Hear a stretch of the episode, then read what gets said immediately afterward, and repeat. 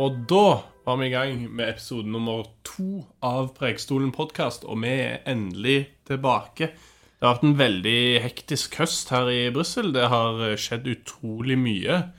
Eh, både på EU-sida, men òg for oss på kontoret. Vi har jo bl.a. vært i Nederland på studietur med Ivar og Geminor.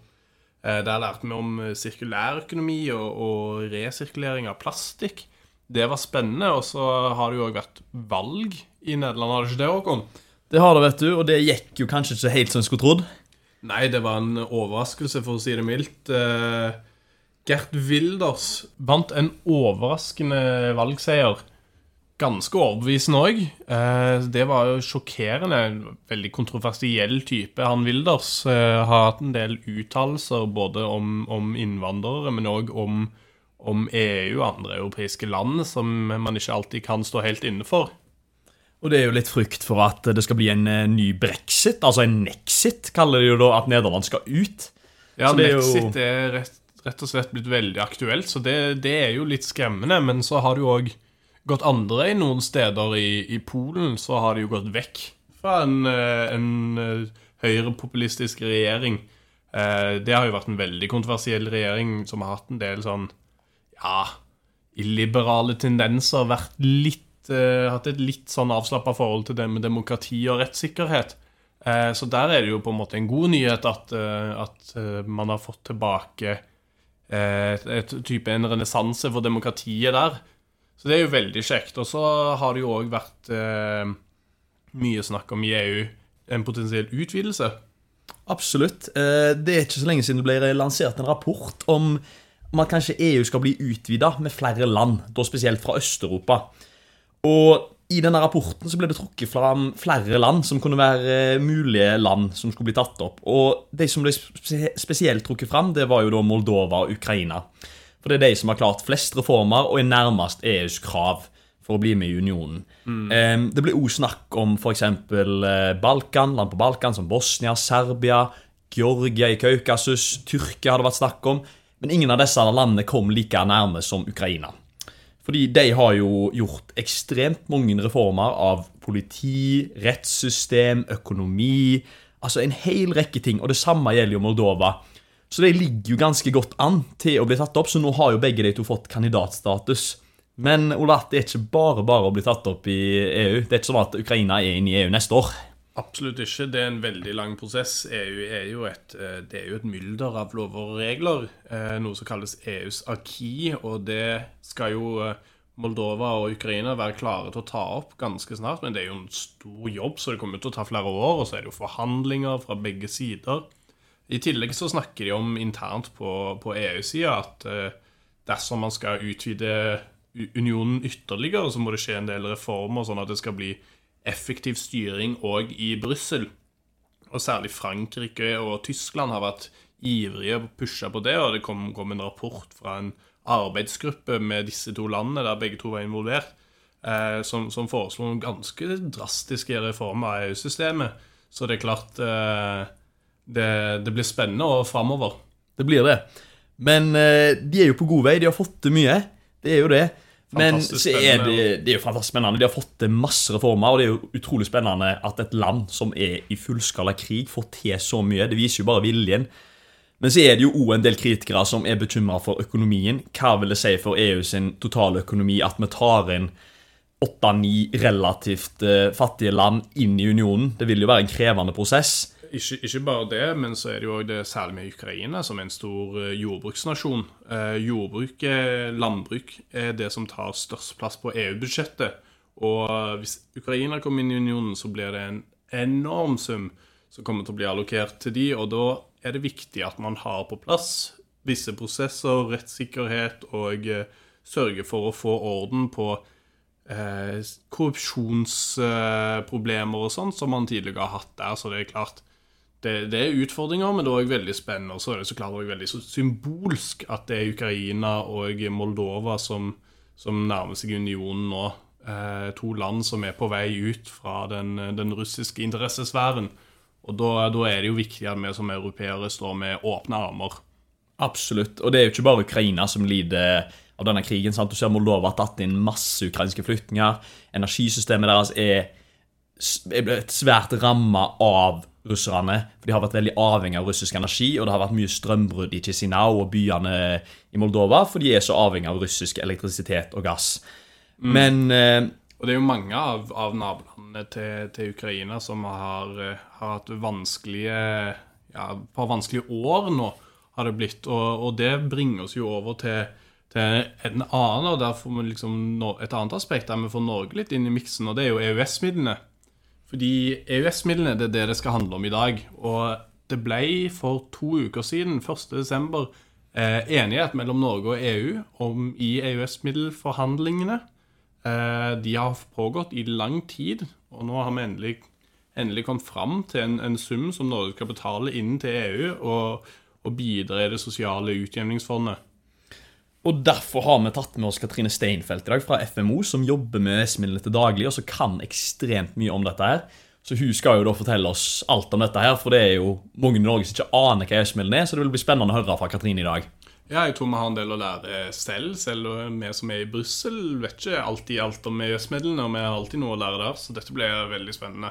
Det blir det. Velkommen til podkast, Katrine. Tusen takk. Veldig Ja. hyggelig å være her. Ja, Vi har jo nevnt at vi skal snakke litt om EØS-midlene og sånt i dag, og det har jo du god peiling på, men vi vil gjerne høre det fra deg. Hva bakgrunn du har, og hva du jobber med, egentlig. Ja, så klart. Eh, EØS-midlene er ikke verdens mest eh, intuitive navn eller konsept, så jeg gleder meg til å prate litt om det. Og hvordan jeg kom til dette i det hele tatt. Eh, jeg er halvt ungarsk og halvt norsk. Vokst vokste opp for det meste i Norge. Men, eh, men jeg prater ungarsk og har familie i Ungarn. Eh, Så jeg eh, studerte faktisk psykologi og litteratur. Veldig sånn humanist. humanist. bredt, ja. Yes. Um, og så da jeg ble ferdig på universitetet, så flyttet jeg til Ungarn. Eh, Jeg var veldig nysgjerrig på eh, hvordan livet er i Ungarn. Jeg hadde aldri bodd der, hadde bare ferieforhold egentlig til eh, Ungarn. Og, eh, eh, og fikk min første jobb i Budapest etter universitetet. Og der jobbet jeg i fem år for eh, diverse ambassader, men eh, siste jobb var eh, på den norske ambassaden eh, som politisk rådgiver, og jobbet da med EØS-midlene. Det var min første introduksjon eh, til denne verden, som jeg har jobbet med ganske mye siden. Og da fra perspektivet Ungarn-Norge spesifikt. Og siden den gang så har jeg flyttet til Brussel em, etter fem år i Ungarn og jobbet litt forskjellig her òg. Eh, annet med antidiskriminering og likestilling eh, i europeisk kontekst. Eh, men siden 2018 så har jeg jobbet da på sekretariatet for EØS-midlene her i Brussel. Eh, og fått et litt bredere perspektiv på hvordan vi jobber med disse midlene i forskjellige land, ikke bare de jeg har mest erfaring fra. Um, og nå Jeg har vært eh, landansvarlig for Ungarn spesifikt i, i mange år. Uh, men siden i fjor så leder jeg landavdelingen vår, faktisk. Så eh, det er også veldig spennende, og da får jeg også mer innsikt i hvordan vi jobber med, med alle de forskjellige landene våre. Så det er litt uh, min vinkel på EØS-samarbeidet, eh, som jeg nå har drevet med i flere år. Ja, veldig spennende. Og, og, og nå er vi jo inne på det med, med EØS-midlene, men det er sikkert noen der ute som lurer på hva, hva er EØS-midlene? Fordi det liksom det, altså det florerer jo en del sånne tanker og ideer om at kanskje ja, det er vår liksom innbetaling, at det er liksom vår, vår måte å få tilgang Men hva liksom spesifikt, hva er det? Absolutt. Eh, EØS-midlene er jo et, eh, et stort verktøy i norsk kontekst eh, til å åpne dørene mot en region av Europa som vi kanskje ikke har like mye samarbeid med som naboene våre eller, eller store handelspartnere som, som Tyskland. Så det er på en måte retta mot altså da primært Øst- og Sør-Europa, eller? Helt riktig. Så vi snakker om Baltikum, der vi har masse samarbeid allerede eh, ved siden av EØS-midlene. Og så beveger vi oss gjennom eh, Polen, eh, Tsjekkia, Slovakia, Ungarn, Romania. Her begynner vi å se at eh, handelsforholdene kanskje ikke er like tette, båndene er ikke like sterke som vi har med de som ligger litt geografisk nærmere oss. Eh, og så går vi ned eh, mot eh, Balkan, og vi har også samarbeid med Bulgaria og Hellas. Um, og så Kypros Malta er alltid veldig gøy. eh, Slovenia, Kroatia. Og så går vi helt bort til Portugal, og det her er stort sett den regionen. Og det er til sammen 15 land vi jobber med eh, i EU. Mm. Og da er det i form av på en måte overføringer, eller hva, hva er disse samarbeidene når du sier liksom Yes. samarbeid her? Det er det som er så veldig gøy med EØS-midlene. Dette er jo en eh, stor finansiell pakke, så eh, vi hadde vel eh, 2,8 eh, milliarder euro eh, i denne perioden. Og eh, dette er ikke rene overføringer. Det er det som er så spennende med EØS-midlene. Dette er et verktøy hvor vi ønsker å bygge samarbeid eh, mellom alle disse 15 landene vi jobber sammen med. Og Norge, Island og Liechtenstein, som er da eh, de finansielle bidragsyterne i denne pakken. Så eh, her snakker vi om eh, om lag 7000 prosjekter som vi har i denne perioden, som vi nå er i ferd med å avslutte. Og ca. 40% av dem har faktisk partnere. Eh, mesteparten fra Norge, eh, og en mindre andel fra Island og Liechtenstein. Eh, I tillegg til det så jobber vi også med norske eh, partnerinstitusjoner, og litt færre fra Island og Liechtenstein, ettersom de er ganske mye mindre. Um, 18 slike partnere i Norge som er inne i eh, mesteparten av programmene våre. Eh, hvor de ikke bare hjelper de norske prosjektdeltakerne i å orientere seg i, eh, i EØS-midlene, men de er også med å utforme disse programmene.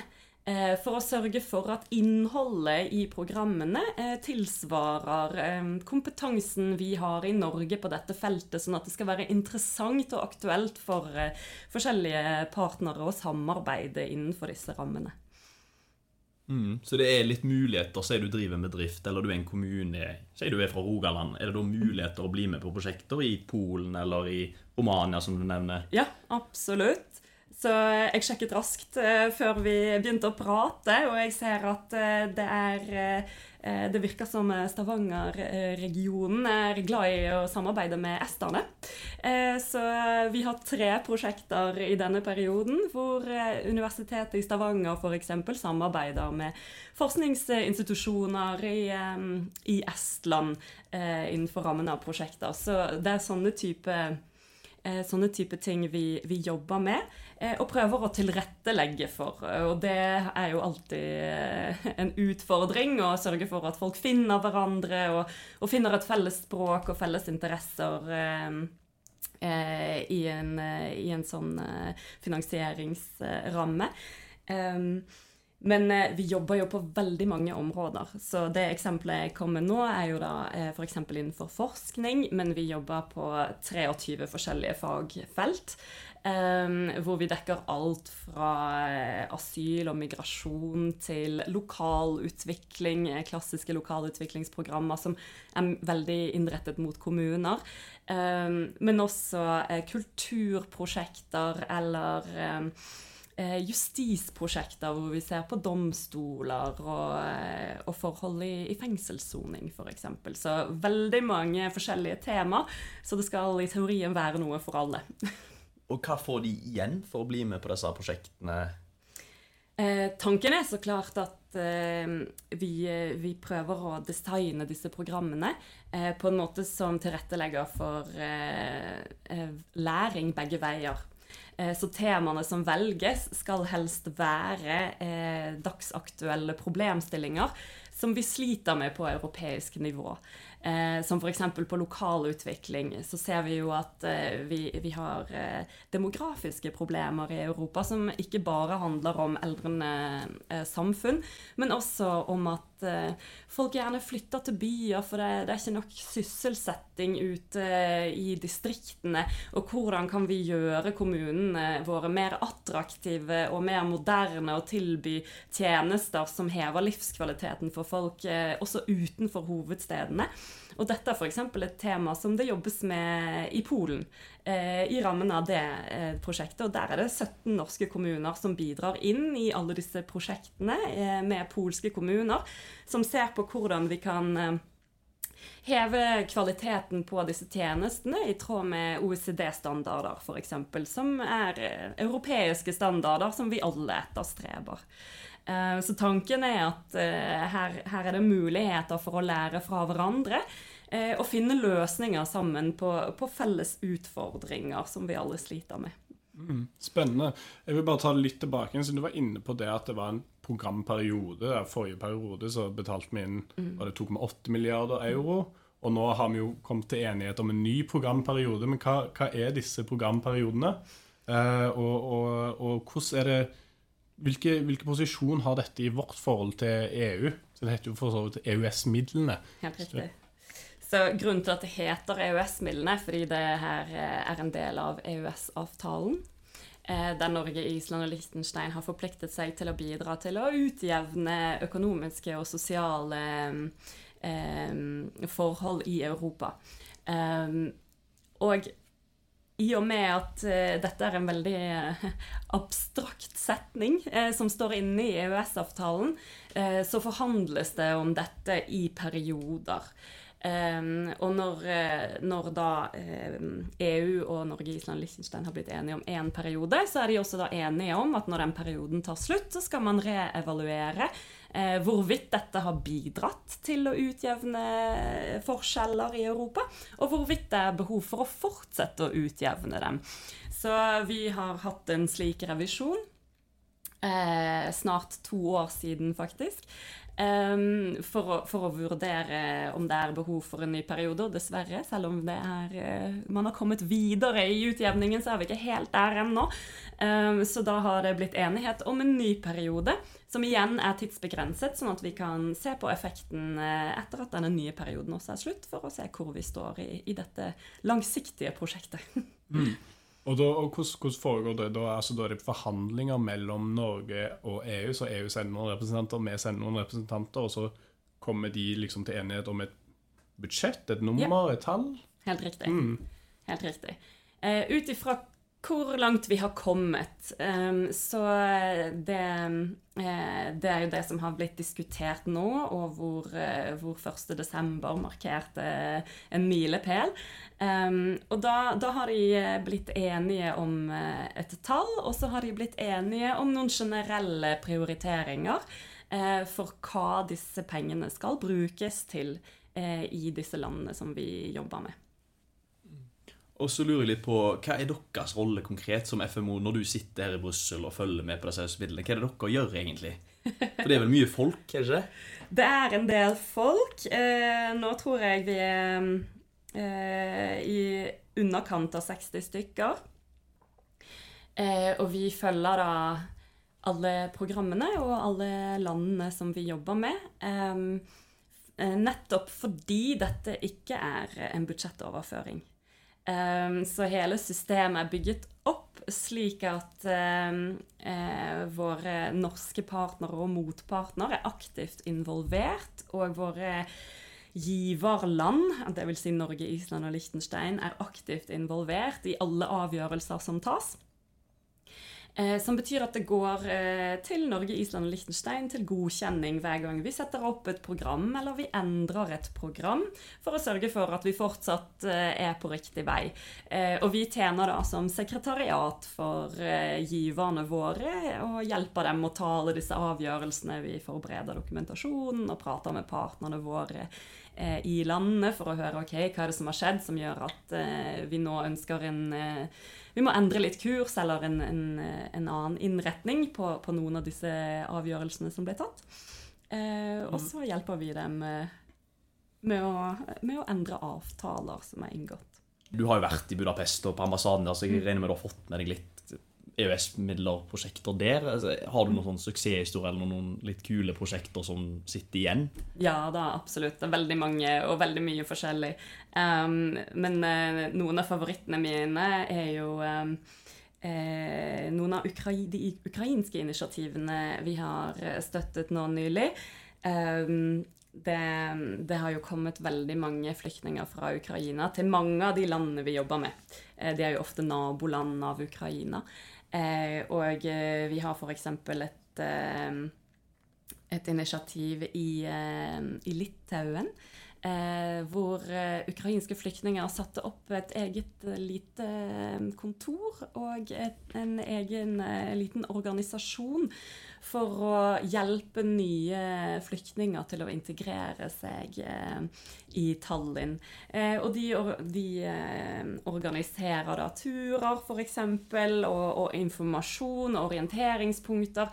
Og det er jo kjempeviktig at disse menneskene føler at de kan gjøre noe for seg selv, eh, og ikke bare må, må få hjelp av eh, eh, litauiske myndigheter, f.eks., men at de også kan støtte hverandre og finne hverandre eh, i den vanskelige situasjonen de står i.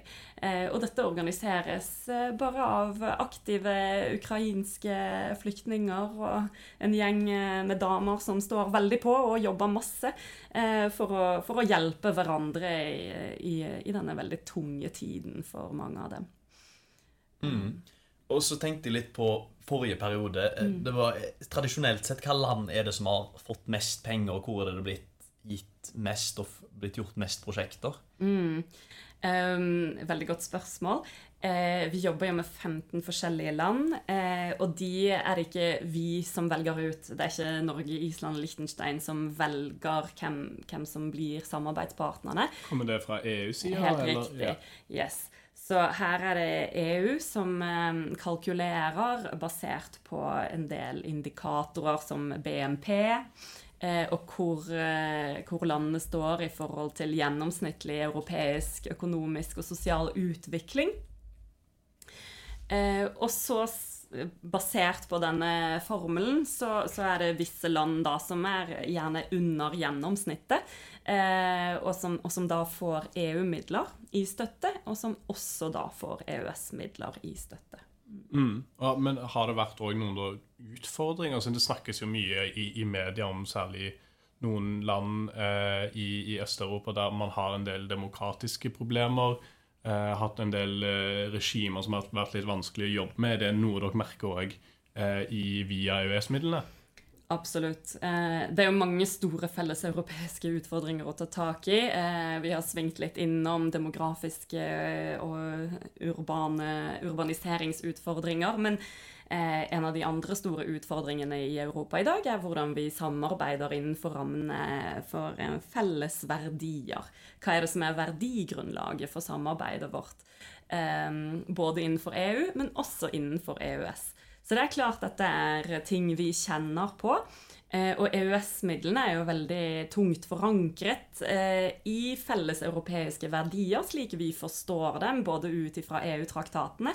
Eh, men det ligger også inn i regelverket vårt, f.eks. at alt vi gjør, skal bidra til fundamentale felles europeiske verdier, som f.eks. menneskerettigheter og antidiskriminering og minoriteters rettigheter og sånn. Det er veldig mye overlapp her. Dette er veldig felles grunnleggende prinsipper som jeg tror vi alle er ganske enige om. Um, og, og, vi har våre egne paragrafer, naturligvis, men som, som er veldig harmonisert med, med, de felles europeiske standardene vi alle jobber for, både innenfor den europeiske konteksten som EU representerer, men også Europarådet, så, altså FNs system for Europa, eller OECD, som jeg også har nevnt som en partner. Um, så dette er jo fundamentale ting eh, som ligger i bunnen for hvordan vi ønsker å samarbeide, eh, som reflekteres i eh, eh programmene våre og, og alle prosjektene eh, på forskjellig måte ut ifra fagfelt.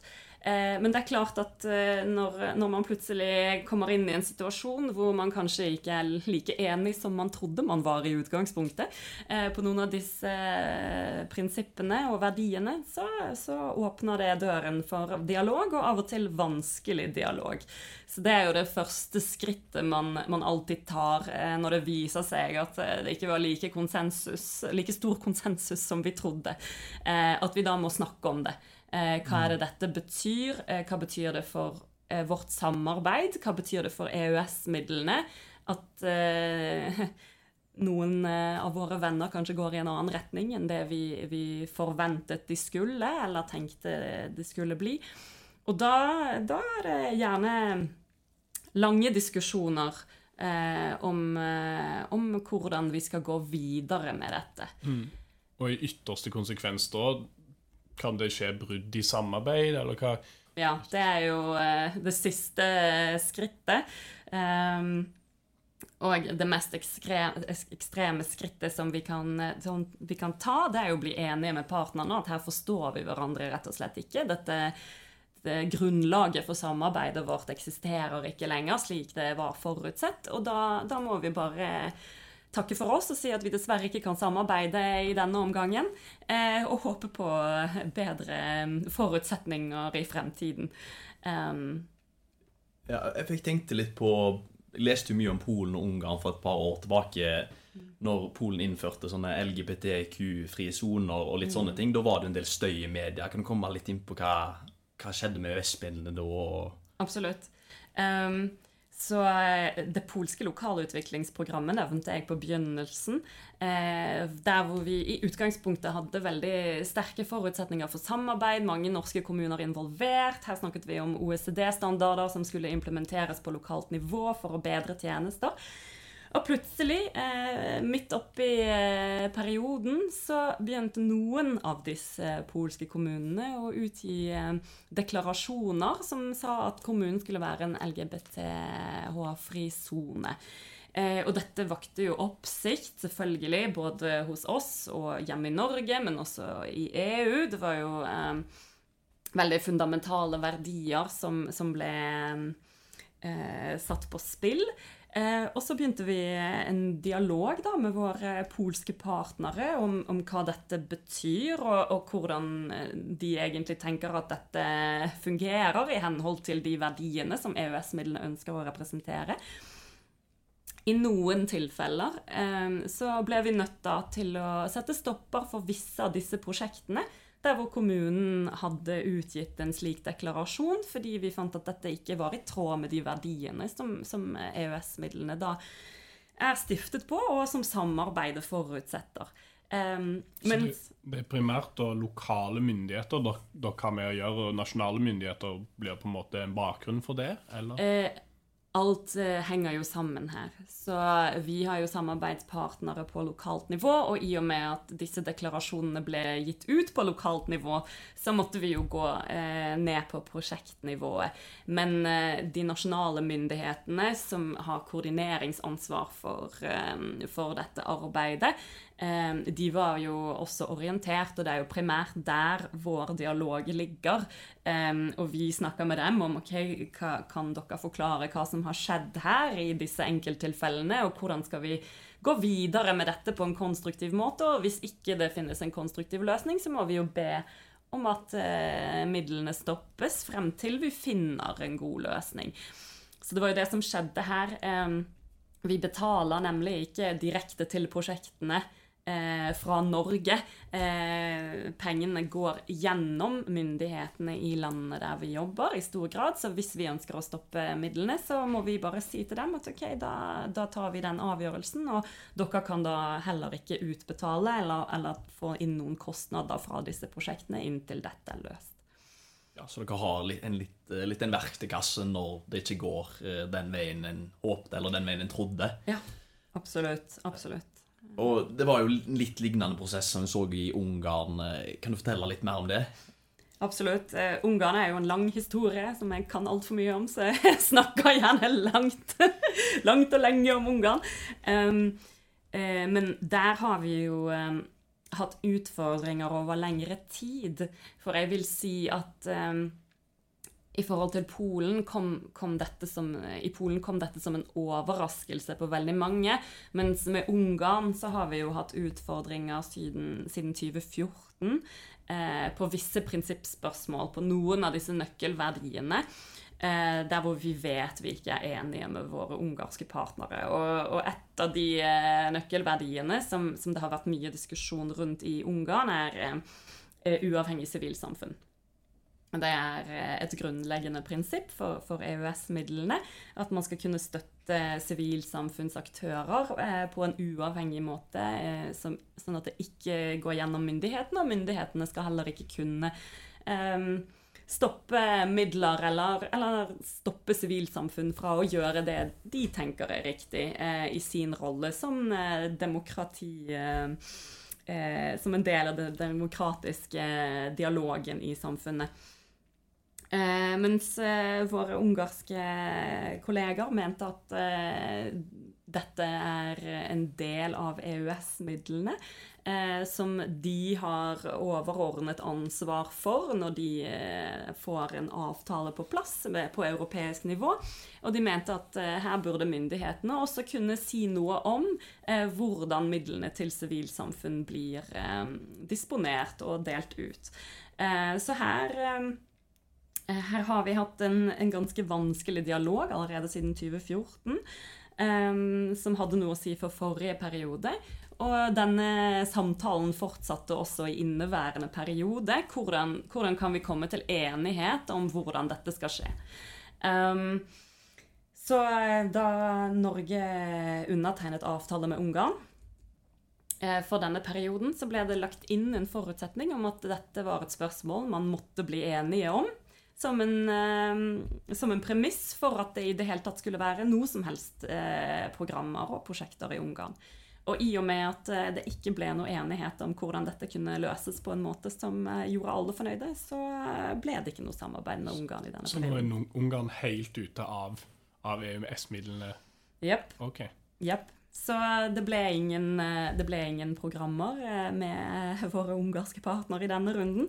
Um, Unntaket er noen veldig få prosjekter som eh, vi faktisk eh, forvalter her fra Brussel. Vi har eh, i tillegg til landsamarbeidet så har vi noen fond. Et regionalt fond og et for ungdomssysselsetting som styres her fra Brussel. Som ikke er landspesifikke. Det var åpne utlysninger hvor alle kunne søke. Um, og der har vi noen få prosjekter med ungarske partnere. Eh, men vi har ikke noe systematisk samarbeid med de ungarske myndighetene i denne perioden. Mm. Ok, Nå tenker jeg bare vi skal gå litt inn for landing, og da tenker vi å se litt framover mot neste periode. Eh, så du var litt inne på det her nå, mm. at, at, at, Ungarn de faller ut. Eh, men, men, videre i neste periode, hva er det som blir viktig? Eh, hva har vært prioriteringene fra Norges side nå i, i forhandlingene? og, og, og hvordan er det du ser for deg at disse neste, neste årene blir eh, for EØS-midlene? Mm. Veldig godt spørsmål, eh, og det blir jo veldig spennende. Um, det som er viktig for Norge, er at selv om vi ser på dette i um, avgrensede perioder, så prøver vi jo å sikte oss inn på langsiktig samarbeid. Eh, når vi snakker om å bygge relasjoner, så er jo det å kunne fortsette å samarbeide og la ting utvikle seg over flere sykluser eh, en absolutt merverdi. Eh, så når du har funnet en prosjektpartner i Estland f.eks., så kan det jo godt hende at ok, første prosjekt kanskje var en god idé, men, men så innenfor rammen av det så får du inspirasjon til å gjøre mange nye ting og andre ting. Eh, og vi ønsker jo egentlig å tilrettelegge for at eh, den kontinuiteten skal kunne finne sted. Nå er jo ikke EØS-midlene den eneste muligheten for å samarbeide. Man kan også finne andre fora. Men vi ønsker absolutt at EØS-midlene skal være et langsiktig investeringsverktøy. Eh, så personlig vil jeg ikke forvente at det kommer til å skje veldig store revolusjoner i eh, prioriteringene eh, som vi har hatt i inneværende mekanisme i forhold til fremtiden. Vi ønsker men, at Men det har jo òg vært en del geopolitiske endringer. Krigen i Ukraina er jo en, er jo en betydelig en. Ja. Vil det ha noe, noe, å si? Altså, vil dere jobbe mer med Absolutt. den typen? Ja? Eh, absolutt. Eh, så som sagt, de landene som mottar eh, en god del av, av, de ukrainske flyktningene, er jo nabolandene av Ukraina og allerede partnerne eh, vi jobber med. Eh, krigen i Ukraina har jo allerede påvirket denne perioden hvor vi har nå. Vi har prøvd både gjennom de programmene vi har, og eh, litt gjennom bilaterale midler eh, og støtte initiativer eh, for å hjelpe integrering av ukrainske flyktninger. Og dette kommer absolutt til å fortsette. Eh, det er jo en viktig prioritering ikke bare for Norge, eh, men også for landene vi jobber med. Så vi, vi, ser jo at de allerede nå har prøvd å justere noen av prosjektene sine for å nå nettopp ukrainske flyktninger og prøve å tilrettelegge for integrering. Eh, og vi har hatt forskningsprosjekter med ukrainske forskere f.eks. som plutselig har dukket opp i Polen eller, eller eh, Romania. Eh, for at de skal kunne bidra videre og, og, fortsette yrkesaktiviteten sin. Så jeg regner med at det absolutt kommer til å fortsette som en eh, viktig prioritet også i neste periode. Yes, Jeg tenkte bare litt helt på tampen før vi avslutter. Det, det, det er jo kanskje en del misforståelser rundt EØS-midlene. Det er en sånn det er det vi betaler for å være med, eh, og at mm. dette, dette, er noe vi ikke får noe igjen for, eller at dette er, ja.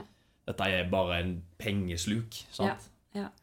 Um, jeg tenker at um, det er veldig viktig å vite at som ethvert verktøy, uh, så er også EØS-midlene litt det man gjør med det.